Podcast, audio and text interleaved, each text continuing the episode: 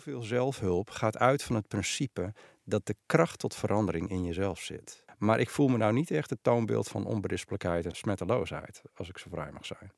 Maar het laatste wat helpt, is dan die mantra, het voorspiegelen dat je ten diepste goed bent en een mooi mens.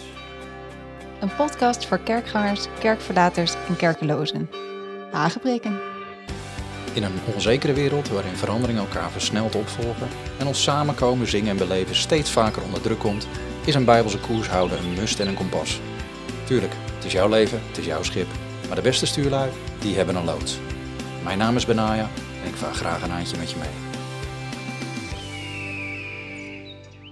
Hi, tof dat je weer luistert naar Hagenpreken. Vanuit een hele, hele koude auto in het bos. Het is eh, ongeveer min 5, min 6. Ehm, deze, toch deze Hagenpreek maar weer even opgestart. En zoals je hoort heb ik ook een beetje een neusverkoudheid. Dat is een uh, soort estafette stokje wat we uh, met de kinderen onderling een beetje doorgeven op dit moment. Het is het seizoen, dat hoort er een beetje bij. Eerlijk zullen we alles delen, zullen we maar zeggen.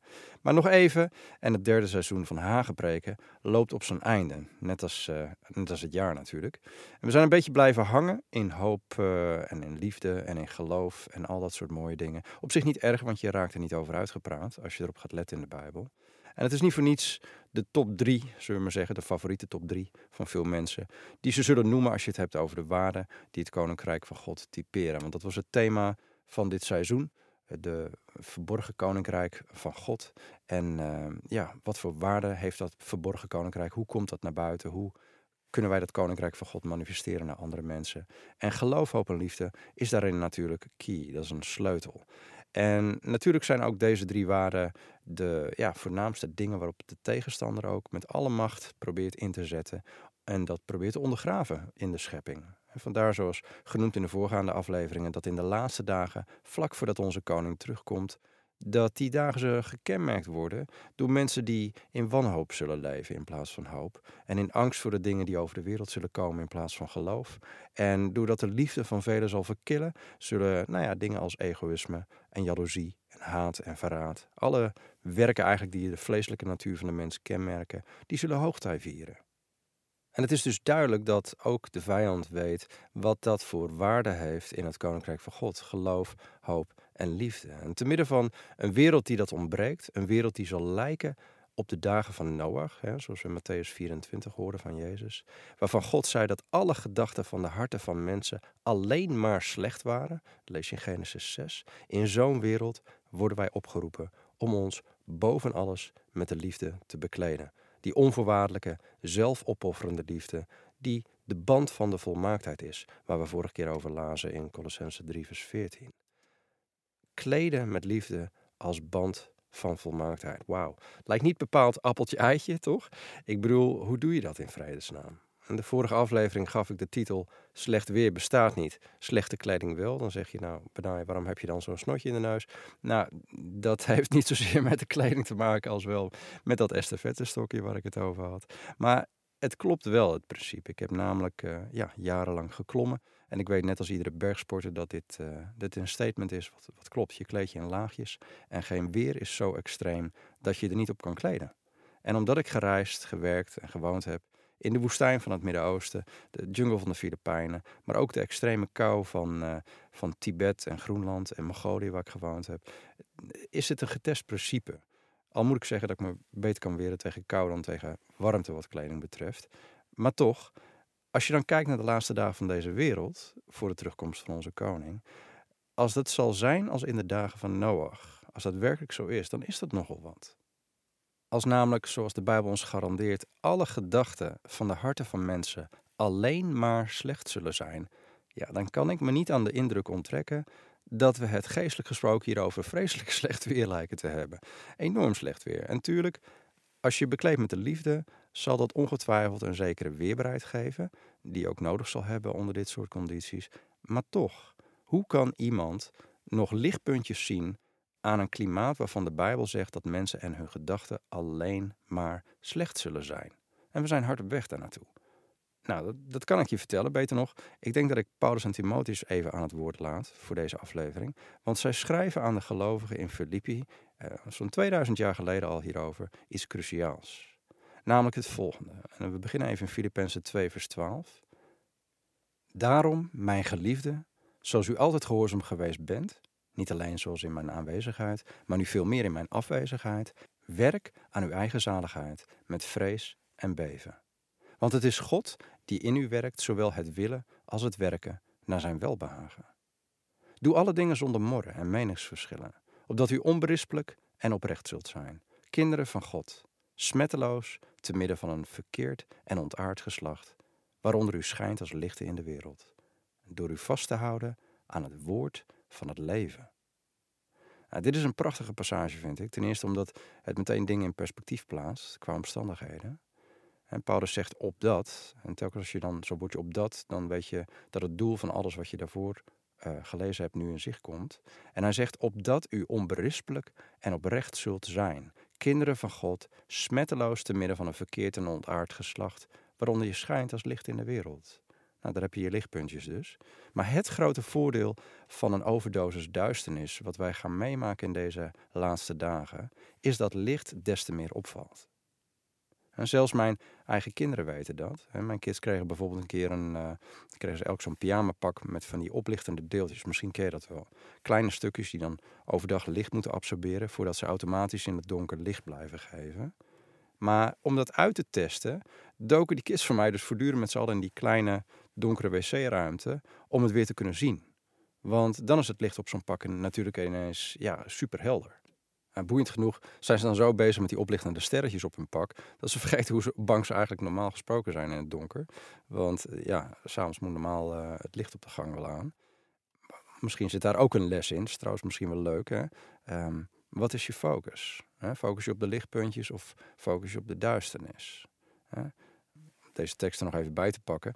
Misschien als we wat minder morren over alles wat ons overkomt. En niet voortdurend met elkaar bakkelei over waar we het oneens over zijn. Blijft er wat meer licht te absorberen in deze tijd. Dat is een beetje flauw misschien natuurlijk. Maar het punt van de pyjamapak is dit.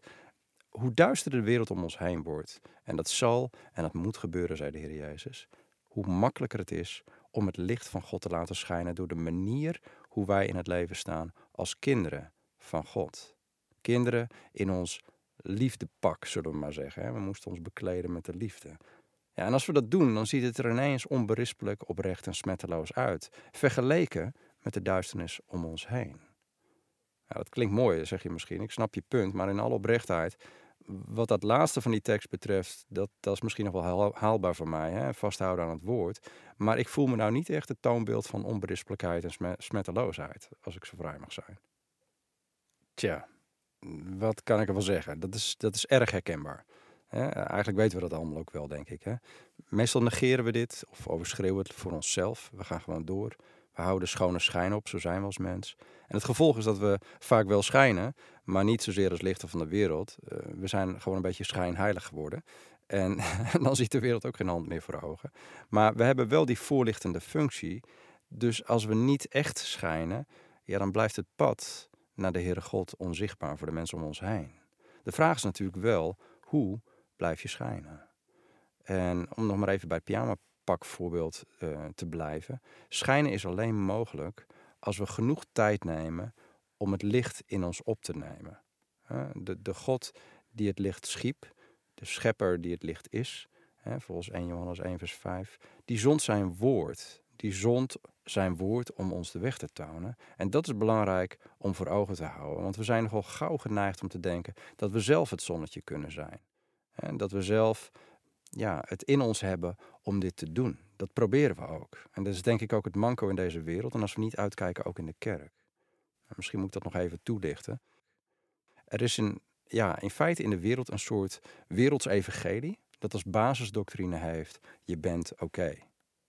En dan zul je zeggen, nou, wat is daar mis mee? Dat is toch een mooie positieve vibe. En dat vertellen wij toch ook aan mensen? Ehm, ja en nee.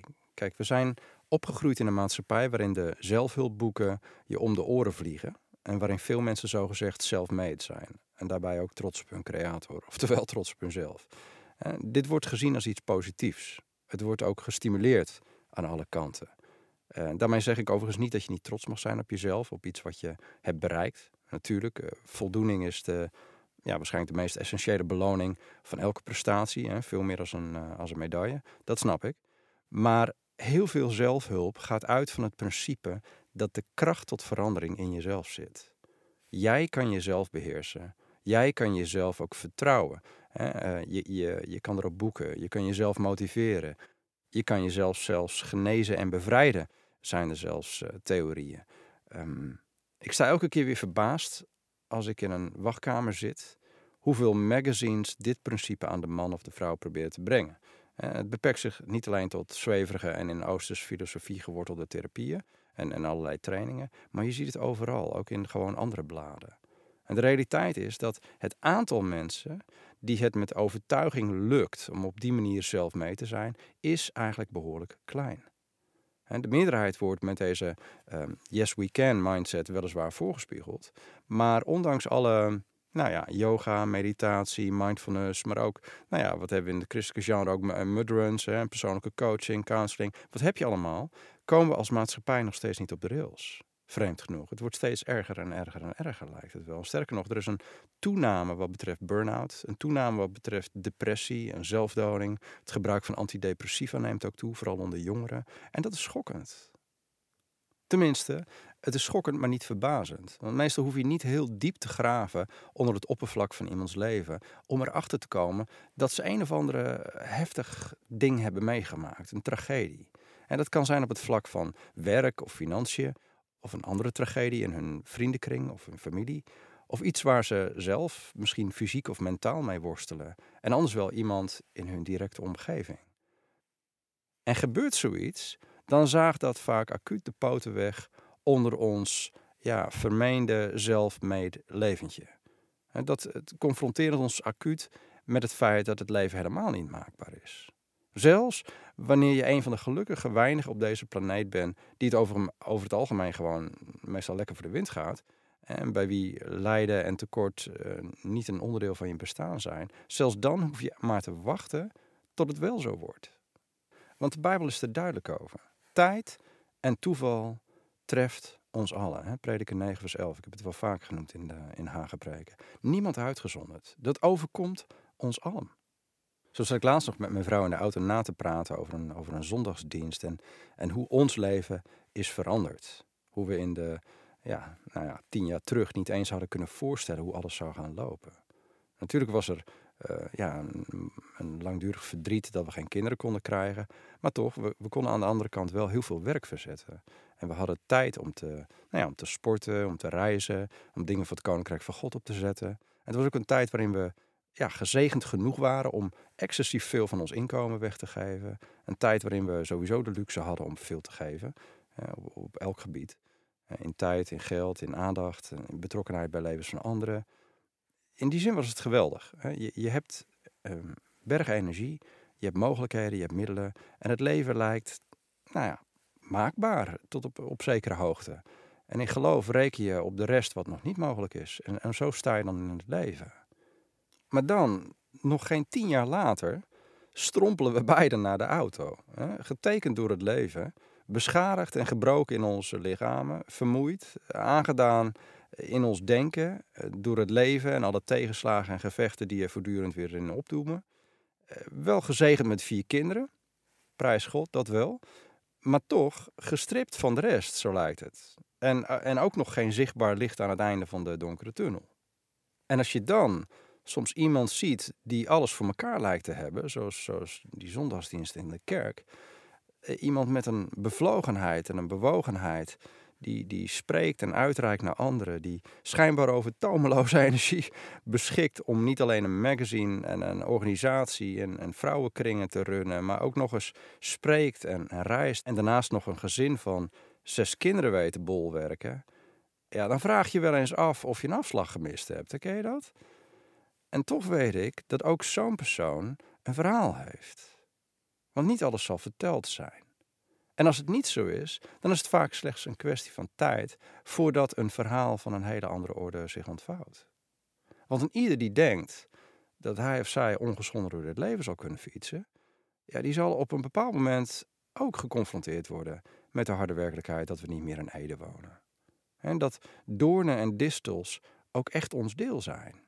Dat is een resultaat van onze ongehoorzaamheid. Dat is geen doemdenken, dat is gewoon bijbels realisme. Geen reden om te wanhopen of depressief te worden per se, maar het vraagt wel om een zekere nuchtere reflectie op de essentie van ons leven en de omstandigheden waarin we leven. Want tijd en toeval treft ons allen. En vaak eerder dan we denken en erger dan we ons hadden kunnen voorstellen toen het nog niet zo was. En iedereen weet dat eigenlijk ook wel diep van binnen, maar je hoopt, ach je hoopt dat dit nog even ver van je bed mag blijven. En alleen als je naïef bent of dit doelbewust wilt blijven, dan geloof je dat dit allemaal niet zo vaart hoeft te lopen. Dan blijf je gewoon geloven dat het leven maakbaar is. En geloof je dat mensen ten diepste goed zijn, zoals een veelgehoorde opmerking is van mensen die het verhaal van de gevallen mensen als sprookje wegwuiven. Maar er komt een punt dat als je niet al te beschermd bent opgegroeid of opgroeit, dat je jezelf teleurstelt. Daar begint het al mee. Want je kan niet weglopen van jezelf. En je kan je tekortkomingen ook niet negeren. En anders zullen anderen om jou heen je wel teleurstellen. Of zullen mensen die je vertrouwden je misschien verraden of teleurstellen. Of misschien doet een hele andere tragedie zich voor die een impact zo rigoureus in je leven maakt dat je leven nooit meer hetzelfde is. En dat is het moment dat je misschien de waarheid van de Heer Jezus, van niemand is goed, wat hij zei, dat je dat voor het eerst realiseert op het niveau waar het pijn doet. En natuurlijk, hoe je verder gaat vanaf dat punt is cruciaal. Juist omdat veel mensen op dat moment verzanden in een bepaalde mate van nou ja, cynisme of, of een bitter worden. En dat is omdat het geloof in het goede van de mens eigenlijk geen geloof was. Het was, het was pure naïviteit. Het was, ja, wishful thinking. En misschien word je niet meteen een ras-echte cynicus, maar je bent vanaf dat moment in elk geval minder optimistisch ingesteld. En het kost je meer moeite om hoop te houden. Want het leven blijkt in één keer moeilijker te zijn. En dat begint het eerste bij jezelf. Want we weten onze eigen tekortkomingen maar al te goed. We weten dat we niet onberispelijk zijn. En zelfs mijn dochtertje kan overladen door schuldgevoel soms in bed kruipen en huilen dat het haar weer niet gelukt is om goed te zijn. de schat. Maar het is heel aandoenlijk om te zien. Maar dat, dat merkt ze nu al. Dat in haar mens zijn, dat ze het niet, niet kan wat ze zou willen doen of willen zijn. En dat is confronterend, het is onthutsend. En hoe kom je daar dan uit? Hoe kom je weer op het punt dat je echt jezelf weer kan bekleden met liefde, zoals de Bijbel ons zo fraai adviseert? En hoe, hoe word je dan onberispelijk en oprecht? Hoe word je smetteloos? Want we blijven allemaal dingen doen en denken waarvan we weten dat we ze niet zouden moeten doen.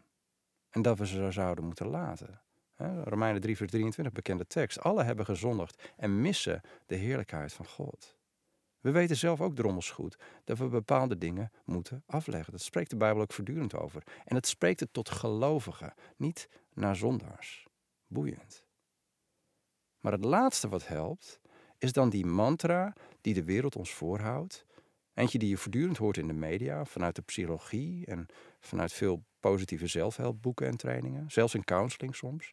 Namelijk het voorspiegelen dat je ten diepste goed bent en een mooi mens.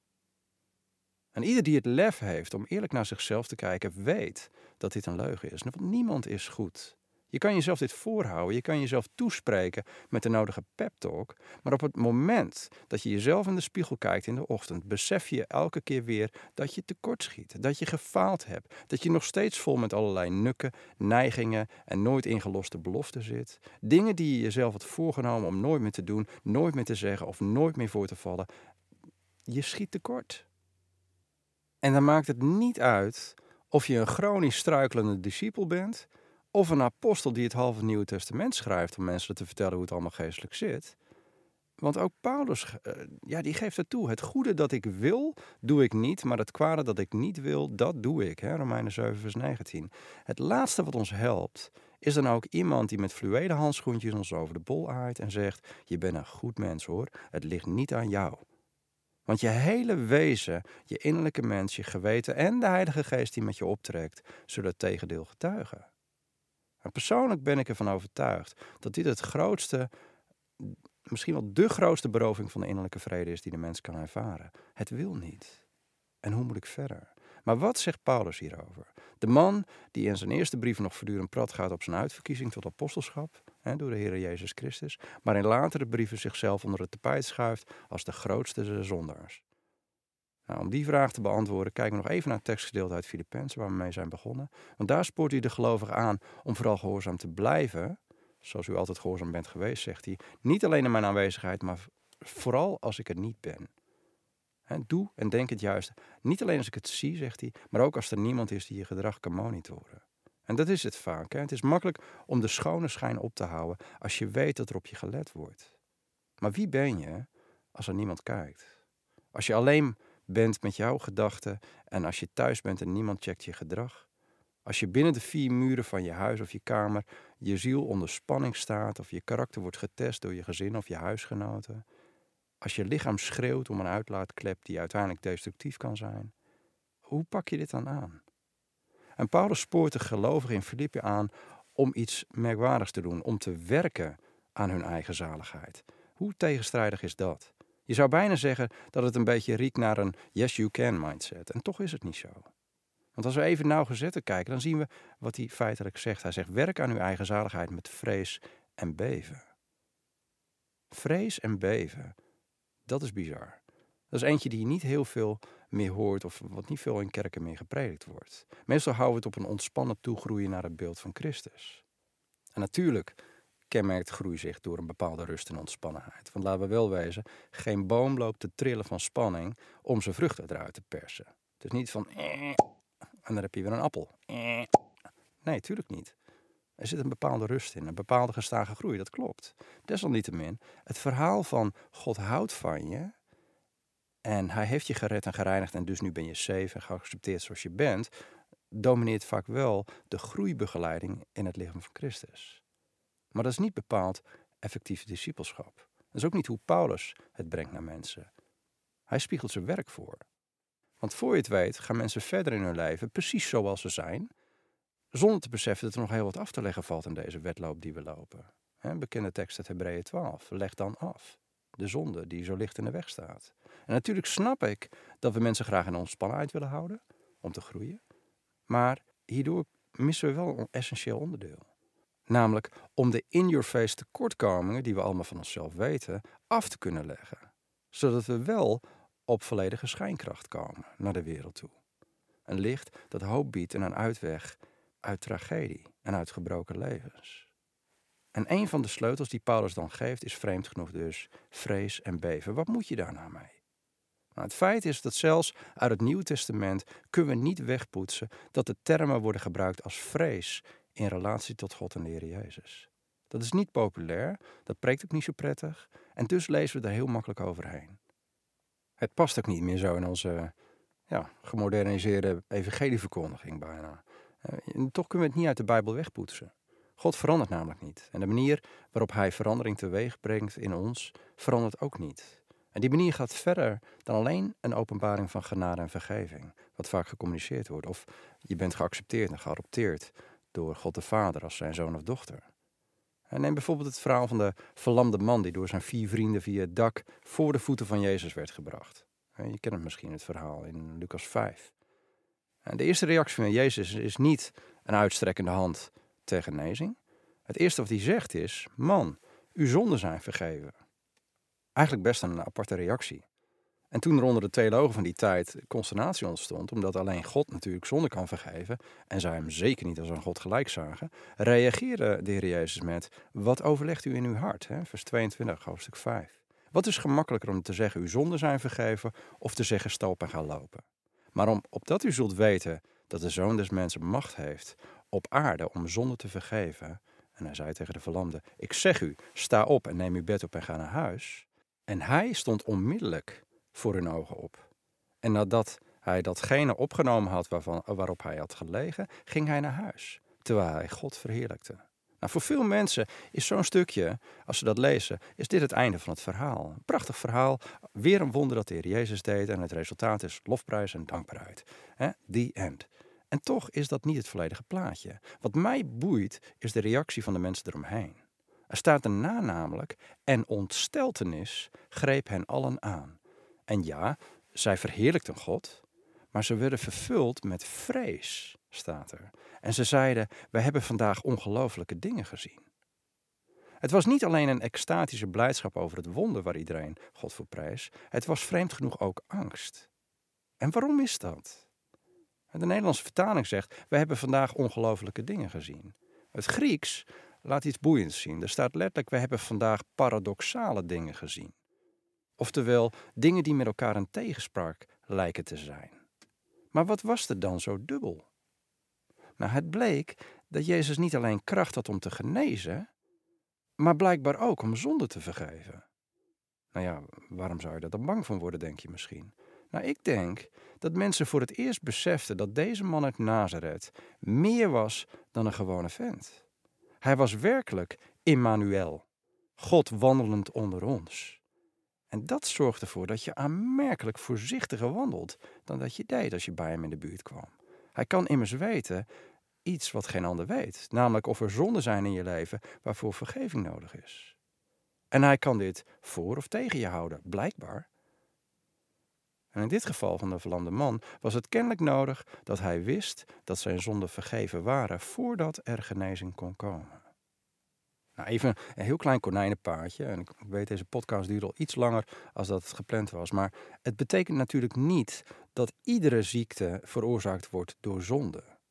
Want ook hiermee kan je weer enorm bijbeltje prik mee gaan doen. Want hele kerkstammen hebben dat ook gedaan of doen dat nog steeds wanneer iemand ziek is. Maar laten we wel wezen, bij het merendeel van de wonderen in het Nieuwe Testament reikt de Heer uit naar de zieke, geneest deze en wordt er helemaal niet gesproken over zonde in iemands leven. Sterker nog, op het moment dat de discipelen het een keer willen dichttimmeren en vragen of een blind geborene zelf gezondigd heeft of zijn ouders, dan zegt Jezus dat geen van die twee van toepassing is. Maar dat de enige reden voor de blindheid is dat de wonderwerkende kracht van God hierdoor openbaar wordt. Hè? Johannes 9 lees je dat. er komt ook nog bij dat we bij deze verlamde man niet weten of zijn zonde überhaupt de genezing in de weg stond. Het kan ook zo zijn dat hij zich schaamde voor zijn zondige leven. En dat hij daarom niet naar de Heer durfde te komen, totdat zijn vrienden hem gewoon meesjouwden. En dat de Heer hem geruststelde van, joh, maak je geen zorgen, je zonden zijn je vergeven. Het staat er allemaal niet bij. Dus invullen is verleidelijk. En altijd makkelijk om je eigen favoriete doctrine backup te geven, maar we weten het niet. Maar één ding weten we wel: de vrees die over de omstanders komt, is een reactie die je met grote regelmaat in het Nieuwe Testament ziet. En twee hoofdstukken verder zie je het ook als de dode jongen van Nain wordt opgewekt door de Heer Jezus. En dan staat er dat de dode ging overeind zitten, begon te spreken en Jezus gaf hem aan zijn moeder. En vrees greep hen alle aan. En zij verheerlijkte God. En ook het hoofdstuk daarop. Als hij een bezeten man van de Gadarenen bevrijdt van een legioen demonen, dan zorgt het ervoor dat zijn stadsgenoten Jezus smeken om te vertrekken. Want, zo staat er, ze waren met grote vrees bevangen. Het gaat maar door. Ik denk dat we ons niet genoeg beseffen dat de vrees voor God Noem het een ontzag wat de nodige voorzichtigheid in denken en doen bewerkt in ons leven, echt wel onderdeel is van een complete introductie naar de Zoon van God. Je ziet het ook toen de discipelen predikten op de eerste Pinksterdag. Nadat er 3000 zielen tot de Heer waren gekomen. Dat vinden we altijd geweldig. En zeggen, oh, opwekking. Um, daar staat er, zij volharden in de leer van de apostelen en in de gemeenschap. In het breken van het brood en in de gebeden. En er kwam vrees over iedereen. En er werden veel wonderen en tekenen door de apostelen gedaan. Maar weer dat er vrees kwam over iedereen. En als we dan kijken naar de basistekst waar we begonnen Filippenzen 2, dan, dan kun je inderdaad kijken naar, ja, je moet uh, stoppen met morren. Uh, het zou beter zijn dat we zouden vasthouden aan het levende woord van God, natuurlijk. Maar een evangelie zonder vrees voor God is maar een half evangelie. Zo'n evangelie appelleert aan de zondige menselijke natuur die denkt dat er nog mogelijkheden zijn om dit gewoon zelf te fixen. Paulus geeft ons heel duidelijk de sleutel wanneer hij zegt: werk aan uw eigen zaligheid. Nou, daar kunnen we niet stoppen. Hoe doen we dat? Met vrees en beven. Want, zegt hij, het is God die in u werkt, zowel het willen als het werken naar zijn welbehagen. Ergens zouden we hier voldoening uit moeten scheppen. Er is iets wat we zelf mogen, iets wat we zelfs moeten doen, werken aan onze eigen zaligheid. Oh, maar wacht even. Was de zaligheid niet van God? Ook een liedje natuurlijk. Jazeker. De zaligheid is van God. Dat wil zeggen, zaligheid betekent redding. Maar wij kunnen onszelf niet eens redden. Maar zaligheid in het Grieks is het woordje soteria en dat betekent ook bewaren voor gevaar of verwoesting. En wij hebben degelijk een aandeel in onszelf bewaren voor gevaar of verwoesting. Als wij namelijk de vrees voor God in ons leven cultiveren op een manier dat het een rem zet op ons destructieve denken en gedrag, dan geven we God de gelegenheid om in ons te bewerken en door ons heen iets te willen dat Hem behaagt. Want dat deel, dat doet Hij.